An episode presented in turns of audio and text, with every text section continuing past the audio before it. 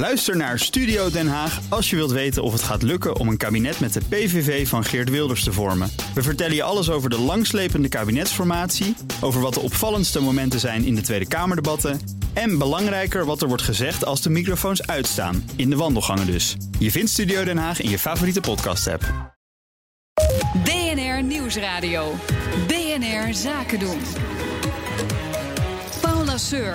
Bij een nieuwe crisis zegt ECB-president Mario Draghi klaar te staan. Maar voorlopig denkt hij dat de afkomende economie van tijdelijke aard is. Of het economenpanel daarmee akkoord gaat, eh, dat ga ik ze zo vragen. Hartelijk welkom, Menno Middeldorp, hoofdeconoom bij de Rabobank. Luc, Luc Aben, hoofdeconoom bij Van Landschot Bankiers. En Casper de Vries is hier, hoogleraar monetaire economie aan Erasmus School of Economics. Hartelijk welkom, eh, heren. Nou, mijn zakenpartner Alexandra Jankovic is hier ook. Zij is managing partner bij Spark Optimus. Ja, Mario Draghi die noemt de afkoelende Europese economie en de haperingen van de Duitse motor van die Europese economie. Dat noemt hij een adempauze. Uh, zien jullie dat ook zo of is het structureler, deze ja, afremming van de economische groei?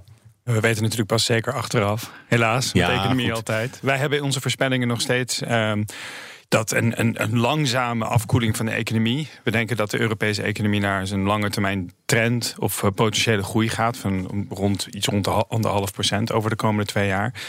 Dus dat is een afkoeling, maar dat is niet, denk ik, waar mensen nu aan zitten te denken. Ze hebben de laatste economische cijfers gezien en ze denken van, nou, als dit nog een kwartaaltje doorgaat, dan, dan zouden we best inderdaad in een recessie kunnen zetten, zitten.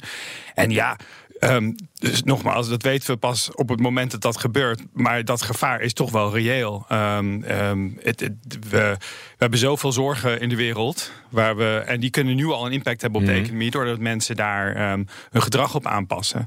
En, uh, en daarnaast zien we ook dat de financiële markten toch wel uh, een signaal afgeven dat, dat zij in ieder geval bezorgd zijn.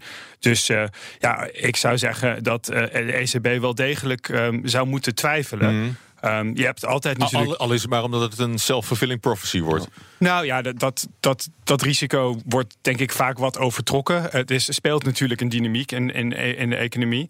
Maar ik denk um, als, we, als we gewoon als je als centrale bank naar de economie kijkt, ben je voortdurend natuurlijk in staat van twijfel. Je moet uh, monetair beleid zetten uh, voor de komende, uh, met een rente die nu mm. over pas een paar jaar eigenlijk echt effect heeft op de economie. Door in de achteruitkijkspiegel spiegel, sorry, te kijken. En dat, ja. dat maakt ja, dat het wel een moeilijke taak is. En dus ben je altijd wel een beetje onzeker, lijkt mij. Ja, Casper de Vries, het monetaire beleid, is dat daar al een, al een beetje op aangepast? Of, nou, ja, of zou dat moeten? Wat, wat ik interessant vond was bij de persconferentie na afloop van het rentebesluit, wat dus uh, geen verandering bracht, mm -hmm. was dat uh, Mario Draghi zei dat zijn, uh, zijn tas vol zat met instrumenten. Maar hij gaf niet aan wat die instrumenten dan waren. En uh, later moest hij uh, een extra tweet doen om aan te geven wat die instrumenten dan waren. Maar als je dat dan afpelt, hè, dan zijn eigenlijk al die instrumenten al ingezet en is er heel en weinig uit, ruimte. En, uit, en uitgewerkt. En, en, en ja, of, of die hebben weinig effect. Ja. En, en dat is het grote probleem voor de ECB. Eigenlijk zouden de, de budgettaire, de, de, de fiscale autoriteiten, die zouden het stokje over moeten nemen. Mm. Maar ja, die zitten ook redelijk klem, zeker in het zuiden. Mm. Dus het is best wel best wel een issue. Ze ja. hebben zich aardig uh, zelf in de nesten gewerkt. Ja, maar de monetaire stimulans zou worden afgebouwd. Uh, dat, dat, en, maar dat lijkt een beetje vooruit te worden geschoven... dat moment waarop het echt wordt, wordt teruggedraaid. Nou ja, ze, kijk, ze, ze, kunnen nog best wel wat doen. Hè. Ze kunnen weer de, de leningen, die kort- en middellange termijnleningen... die aan banken zijn verstrekt, die kunnen ze doorrollen. Um, ja, dan blijft, blijft het weer uh, die rente heel laag. Dan blijft het heel. dan krijg je uiteindelijk dat het toch door in, in allerlei aandelenwaarden hmm. door gaat steken. En ja, dan is het heel moeilijk om, daar, om daar uit weg te komen uit dat moeras. Ja, Luc Aben, hoe kijkt Van Landschot aan tegen de tegen de ontwikkelingen van, uh, van de Europese economie? Ja, misschien twee dingen. Van één, ja, wat men al zei, het is inderdaad wat minder dan in 2017, begin 2018, maar dat is ook niet abnormaal. Hè? Uh, en een aantal incidentele factoren, die komen allemaal samen op dit moment en die werken allemaal tegen. De brexit, de handelsoorlog, uh, Italiaanse perikelen, de geelzucht in, in Frankrijk, nieuwe emissienormen waar de Duitse auto-industrie last van heeft. Komt allemaal samen, dus ja, Uh, weinig structureels op dit moment. En twee, de ECB. Ja, de ECB heeft minder instrumenten. En we kunnen dan kritiek hebben op de ECB, misschien terecht. Maar we moeten misschien eerder kritiek hebben op de, het, het niet gebruiken van de financiële ademruimte die de ECB geschapen heeft de laatste drie, vier jaar. Als je kijkt naar de zogenaamde structurele hervormingen. Hè. Ja, er zijn heel veel landen die de zuurstof van Mario Draghi uh, niet gebruikt hebben om hun conditie te verbeteren. Uh, denk aan Italië, waar een, waar een aantal dingen nu terug gedraaid worden. Ja, Macron in Frankrijk, die, die wilde wel, maar die heeft op dit moment andere katten te, te geestelen. Dus ja, we kunnen, we, kunnen dan wel, we kunnen dan wel op de ECB kijken. En ja, wat is jullie instrument? Maar misschien moeten we beter naar de politiek kijken. Wat ah. kunnen jullie, of hebben jullie gedaan? Hoe kan je dat afdwingen? Het is heel moeilijk. Uh...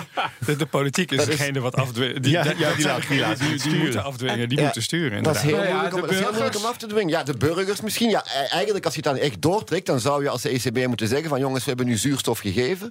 We gaan nu even die fles uh, afkoppelen. Uh, bekijk het maar. Maar ja, dan ga je tegen het mandaat van de ECB, want die moet een inflatie van 2% mm. proberen te bereiken. Dus dan gaat hij tegen haar mandaat in. Dus hoe ga je dat afdwingen?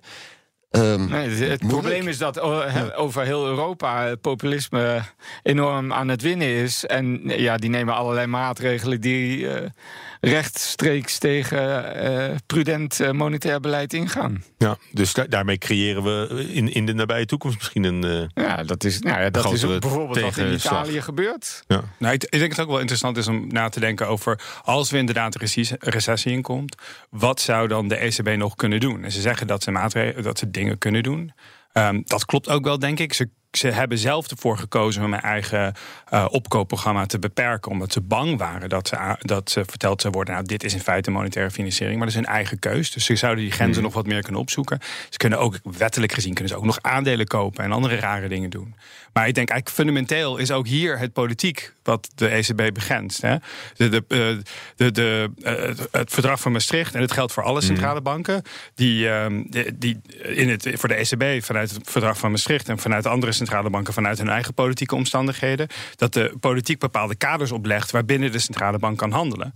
Um, en ja, je kan in feite heel veel geld drukken, maar de ECB mag er alleen bepaalde dingen mee doen. En daar komt dan weer die koppeling met het begrotingsbeleid. Als inderdaad je een, een geld zou willen drukken in een, in een recessie mhm. en dat dan via begrotingsbeleid directer de economie in willen, zou kunnen pompen, dan zou je misschien een, een effectiever combinatie hebben dan. Um, ja, dan, dan de splitsing die we nu hebben gekregen. Je bent bijna bij helikoptergeld dan, hè? Dat klopt, dat is, dat is ook helikoptergeld. Maar kijk, ik zeg niet... Kijk, ik ben nu drie stappen vooruit en denk... Hè, en er komt een recessie en het is heel zwaar... en de ECB gebruikt de ruimte die ze nu al hebben... ja, dan krijg je dit soort discussies. Um, en, het, en de begrenzing daarin ligt ook weer bij de politiek. En ik denk dat mijn vrees is juist dat een recessie heel zwaar zou moeten worden. voordat er een bereidheid in de politiek bestaat. om um, monetair en begrotingsbeleid effectief in te zetten. om mm. ons eruit te laten komen. Dus dus de, de politieke grenzen zijn, zijn bepalender vaak voor hoe zwaar die, de, de, wat voor beleid we kunnen gebruiken, dan, dan de werkelijke economische uh, bewerking. er is nog wel een, onconventionele maatregel waar, wat Amerika gebruikt heeft in het, het midden van de mhm. recessie in 2009 of depressie. En wij niet hebben gedaan. Gewoon alle banken verplicht herkapitaliseren via private markten. Nieuwe aandeelhouders zijn altijd bereid dat geld te geven. En dan, dan gaat krediet weer rollen. Maar ook hier zijn, het zijn de... Ja. dat vinden de bankiers niet leuk. Ik wil me niet verdedigen als bankier. Ik sta hier niet als bankier. Anderzijds moeten we toch wel opletten dat er is best al wel wat gebeurd. Zeker bij de grote financiële instellingen. Zijn de Duitse Bank zit in de problemen. Ja, de Deutsche Bank, ik, ik, bedoel, die, zit, die hebben die ooit niet in de problemen gezeten. dat, uh, dat is een specifiek geval.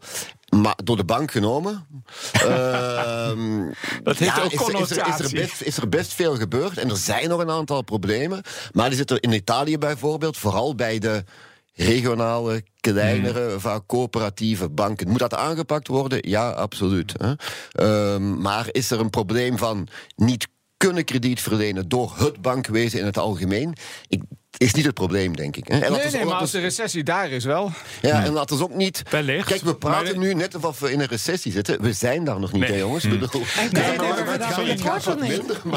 Waar we het wel over hebben is natuurlijk het, het ECB-beleid. En die, die natuurlijk jarenlang hebben, hebben gestimuleerd uh, to the max, uh, kun je zeggen.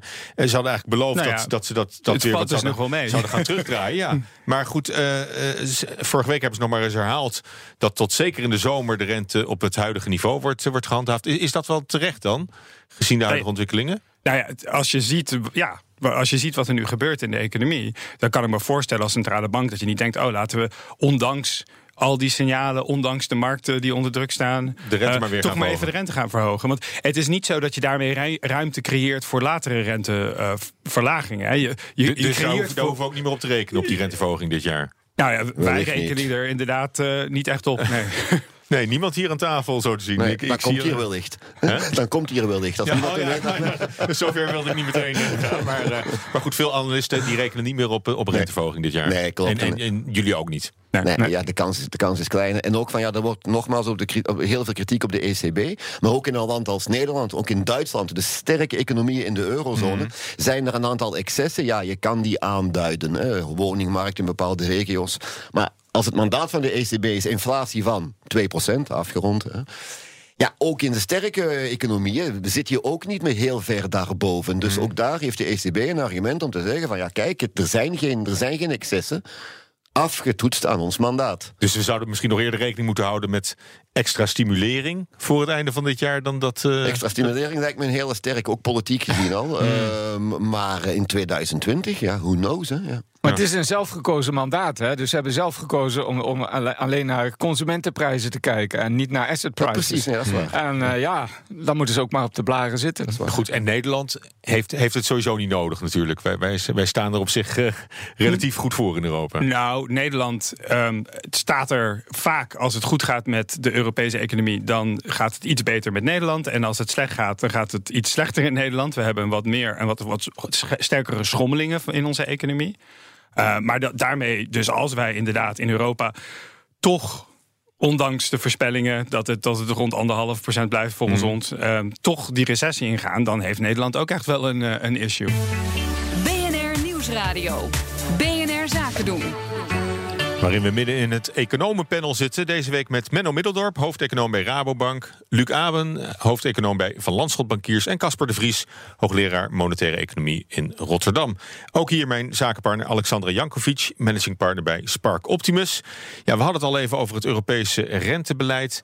En de grote vraag dan is wat dat voor gevolg heeft voor de Nederlandse pensioenen. Bij wie mag ik die neerleggen? Casper de Vries. Nou ja, dit is uh, heel onnatuurlijk om daar. Uh uh, het is een zelfgecreëerd, of uh, door de monopolist, die drijft die rente omlaag. Hmm. En ja, daar hadden we eigenlijk geen rekening mee gehouden bij het ontwerp van uh, het pensioenstelsel. Maar de vraag is daar, moet je daar dan op reageren? Of moet je zeggen en volhouden dat dit marktbewegingen zijn? Ik, ik heb daar een groot probleem mee. Ja, maar dat is toch een diepere vraag, is van... Um, de, de, de ECB reageert op de staat van de economie. Um, kennelijk kan je met deze lage rente de economie structureel niet op gang krijgen. Dat betekent dus dat je te maken hebt met een structureel lage rente. Mhm. Eh, en ja, dat, dat, dat is juist um, ja, een lastige vraag voor pensioenfondsen. Want er zijn twee dingen waar pensioenfondsen. De rente is niet voor niks zo laag. Nou ja, de rente is niet verliks vandaag. Dat betekent dus als je. Uh, en dat betekent dus dat returns uh, op, op uh, activa niet hoog zijn. En ja, dat, maar, dat is dan een feit ja. waar je dan. Als maar, dat dan een feit is, dan moet je daar als pensioenfonds moet je daar wat mee. Maar, dat, dat is dus niet voor het aanpassen van de rekenrente. Luc Aben. Ja, pleit je dan voor het aanpassen van de rekenrente? Ja, op, de, op, het moment dat de monopolist zo dominant in de markt is wel. Ja. Um, maar als, maar, als die monopolisten maar, en, en, ten tweede, de assets, die doen het hartstikke goed. Die pensioenfondsen maken rendementen van 6 tot 8 procent per jaar. Ja, omdat, dus het is ja, alleen maar verdisconteren. Ja, maar, nee, we weten, dit, dit hoef ik jou niet te vertellen als monetair econoom. Je weet dat als je, als je de rente omlaag doet, dan gaat de waardering van alle activa gaat omhoog. Want je, oh. je waardeert weer, op een laag. En dat is precies dus wat aan de, aan de, aan de verplictingenkant van de pensioenfondsen ook gebeurt. Die rente is mhm. laag, dus de waardering daarvan gaat omhoog. Maar dat geldt ook voor een stroom aan aandelen of elke andere activa. Maar dat is een ah. tijdelijke verschuiving hmm. naar uh, op het moment dat die, die rente stopt met dalen, en dat zie je nu ook in de beurzen, gaan die aandelen niet meer omhoog. Uh, en dan, ja, dan krijg je dus dat die, uh, die rentevoet, dat is de nieuwe basis waarop je moet, uh, moet beleggen. Ja. ja. Moet je, moet je het, het, gaat, het, gaat, wel heel, heel vlug, Menno, moet ik eerlijk zeggen hoor. Ik heb wel moeite om, maar dat is misschien wel helemaal in het pensioendebat dat je zo, en als je het over de rente hebt. Maar de, de vraag net hè, over, over de rekenrente. of, of die dan niet. Wat, wat, dat is wat je, wat je vakbonden, linkse partijen, die roepen er gauw. Verhoog gewoon de rekenrente, daar zijn, daar zijn we klaar. Je moet die twee dingen uit elkaar trekken. Eén, je gaat eerst kijken hoeveel heb ik in mijn pot zitten. Wat zijn de activa, de bezittingen, de waarde van de beleggingen? Dat ga je afzetten ten opzichte van je verplichtingen. Mhm. Die verplichtingen ga je terugrekenen. Lage rente, die stijgen enorm. Dat is een foto op een bepaald moment die je neemt. Mhm. En dat kan zijn dat je dan een overschot hebt of je dreigt naar een tekort te gaan. Mhm. In die berekening, dat is een tussen aanhalingstekens objectieve berekening. Dat is een, een, een, het schouwen van de troepen. Wat je daarmee gaat doen, dat is een tweede. Stel dat je naar een onevenwicht gaat, of een dreigend onevenwicht, dan is het een politieke, maatschappelijke keuze. Wat gaan we doen? Gaan we net die pensioenen houden zoals ze nu zijn? Met het risico dat we later een tekort gaan hebben, waarbij de toekomstige generatie dan het moet uitzweten? Of gaan we nu aanpassen, gaan we nu korten en zo, hè, om, om de boel uh, te, te, laten kloppen, ook met de huidige rente? Er eh, zijn twee het, het nemen van je foto is een objectieve oefening. Wat je er dan mee doet, is een politiek, maatschappelijk debat en keuze. Dat zijn twee aparte dingen. Maar je, je, je berekening gaan vervuilen, tussen aanhalingstekens, door je cijfers te manipuleren. Ik zeg het heel negatief, maar je begrijpt wat ik bedoel. Dat vind ik een hele gevaarlijke. Er zijn wel twee opmerkingen bij te maken. Ten eerste, als je het zo presenteert, dan zie je eigenlijk pensioencontract als een future contract. Alleen het probleem, onze pensioenfondsen die rekenen niet één moment voor één generatie af. Het zijn alle generaties bij elkaar. Dus je kan, dat, je kan dat toch wat anders zien dan het afrekenen op één bepaald moment, waarbij je telkens bij moet storten of terug ontvangt als je onder of boven dat contract zit. Uh, uh, dus dat, dat, dat is toch, toch één punt. Even kijken. Uh, ik kom zo wel op het andere punt. Nou, wat, ik denk wat, wat met de ECB-discussie uh, speelt, is denk dat sommige mensen het gevoel hebben van de ECB tijdelijk de rente laag houdt en dat die rente dan weer omhoog gaat. En dus dat het dan oneerlijk zou zijn om de rekenrente zo laag te hebben. Maar stel je nou voor dat dat niet het geval is. Stel je mhm. dat voor dat de huidige rente van de ECB gewoon de nieuwe werkelijkheid is en dat die rente gewoon heel lang laag blijft. En nu dat we weer heel snel weer terug zijn gekomen naar de situatie van oh de ECB kan de rente niet verhogen, want de economie is daar niet sterk genoeg voor. Ja, dat confronteert ons met de mogelijkheid dat dat ook. Mm. Uh, en, en dan, ja, dan, kan je, dan, dan moet je gewoon accepteren dat je returns in de toekomst misschien niet waren wat je in het verleden was, uh, gewend was. Maar, maar, ja, Luc zegt dat, dat het een politieke keuze is uiteindelijk wat je, wat je gaat doen. Of je gaat korten eigenlijk ook. Is ook een politieke keuze daarmee. Maar dat is natuurlijk geen vrije keuze. Want je hebt jezelf klem gezet door dat, dat systeem zo te, ontwerpen. Nee, nee, er zit ook een werkelijkheid achter. Hè, van, ja, maar kijk, dat, dat, is een andere punt. Als je spaart voor de toekomst, dan maakt het heel veel uit wat de rente is. En als die rente laag blijft, ga je niet, moet je meer sparen om hetzelfde mhm. toekomstbedrag op te bouwen. Dat, is gewoon, dat heeft niks te maken met de structuur van wat dan ook. Dat is gewoon de werkelijkheid. Ja, maar, nee, maar dat is juist het probleem. Het is niet de werkelijkheid. Want de helft van, van de rentecurve is fictief. Ja. Is zelf fictief. Hij is er echt. Ja, nee, dat, dat, dat, dat is een andere discussie. Ik wil het wat simpeler maken. Want ik denk dat veel luisteraars alleen maar willen, willen weten of het korten op de pensioenuitkeringen onvermijdelijk is. Op termijn, zoals, zoals we nu staan. Op termijn weet je niet, maar als, als, als je uit je berekening blijkt dat dat, dat fonds te krap zitten, ja, dan is dat een van de mogelijkheden. Ofwel bijstorten, ofwel korten. Ofwel erop rekenen dat je rendementen uit het verleden ook in de toekomst gehaald gaan worden. Maar als je de disclaimer van elke belegger bekijkt, mhm. daar staat het tegenovergestelde net op. Hè. Mhm. Het, het punt is, je moet ook met die pensioenen moet je ook af van de idee, pensioenen zijn zeker pensioenen gaan over de toekomst, net zoals alles over de toekomst mhm. gaat. Ja, en die kennen we niet. Hè? Dus dan kan je jezelf nu rijk gaan rekenen voor een stuk, dat met de rekenrente aan te passen, of je kan jezelf gerustgesteld rekenen. Maar dat is wel een gevaarlijke.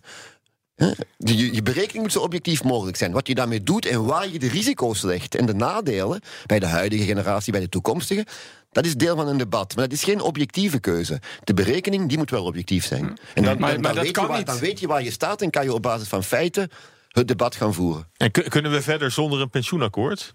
Nou, ik denk dus dat je eigenlijk nu moet gaan korten. Uh, het, het, het, positieve effect daarvan zal zijn. En je houdt je aan de wet. En dat zal dan misschien zorgen dat er toch uiteindelijk een nieuw akkoord komt. Ja. Ja, nou, je houdt je aan de wet, maar, maar wil je ook omgekeerd zeggen dat als je, als je nu niet kort, dat je dan in feite de wet overtreedt? Ja. Ja, eigenlijk wel. Ja. En in onze rechtsstaat moeten we ons aan de, aan de wetten houden. Ja, dat is zo. Dus ik denk dat het wel positieve druk zet op alle partners om, uh, om er snel uit te komen.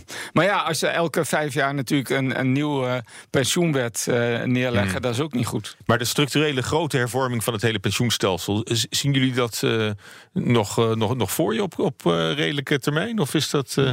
Het lijkt me onbegonnen werk, omdat. En dat is gebleken dat het een heel complex probleem is. Ja, ja. waar, waar heel moeilijk uit te komen is. Maar ja, goed, met alle. Ja, je kent natuurlijk de uitdrukkingen. Onder druk wordt alles vloeibaar. Eh, de druk wordt wel hoger doordat um, die rentes niet omhoog gaan. Hmm. Uh, en um, ja, dus dan, dat vergroot dan toch wel de kans dat we op een of andere manier iets gaan doen. Dat er toch uh, gedwongen wordt om samen te komen en eruit te komen. Ja. En als we, als we het korte op, op de pensioenen, als we dat blijven uitstellen. Hè? Kan ons dat ook nog weer inhalen tijdens de volgende financiële crisis? Uh, nou ja, goed, dat is dus denk ik het fundamentele de probleem. Is dat je kan niet ontsnappen aan. We weten niet wat de rente in de toekomst is. Maar als spaarder, of het nou weer je pensioen of weer een andere weg is, ontkom je er niet aan wat, dat, dat je, daar moet je het van hebben. Er zijn maar twee manieren om, om mm. een pensioensysteem te hebben. Of je moet van generatie tot generatie geld overmaken. Van levende mensen die jonger zijn en levende mensen die ouder zijn. Ja.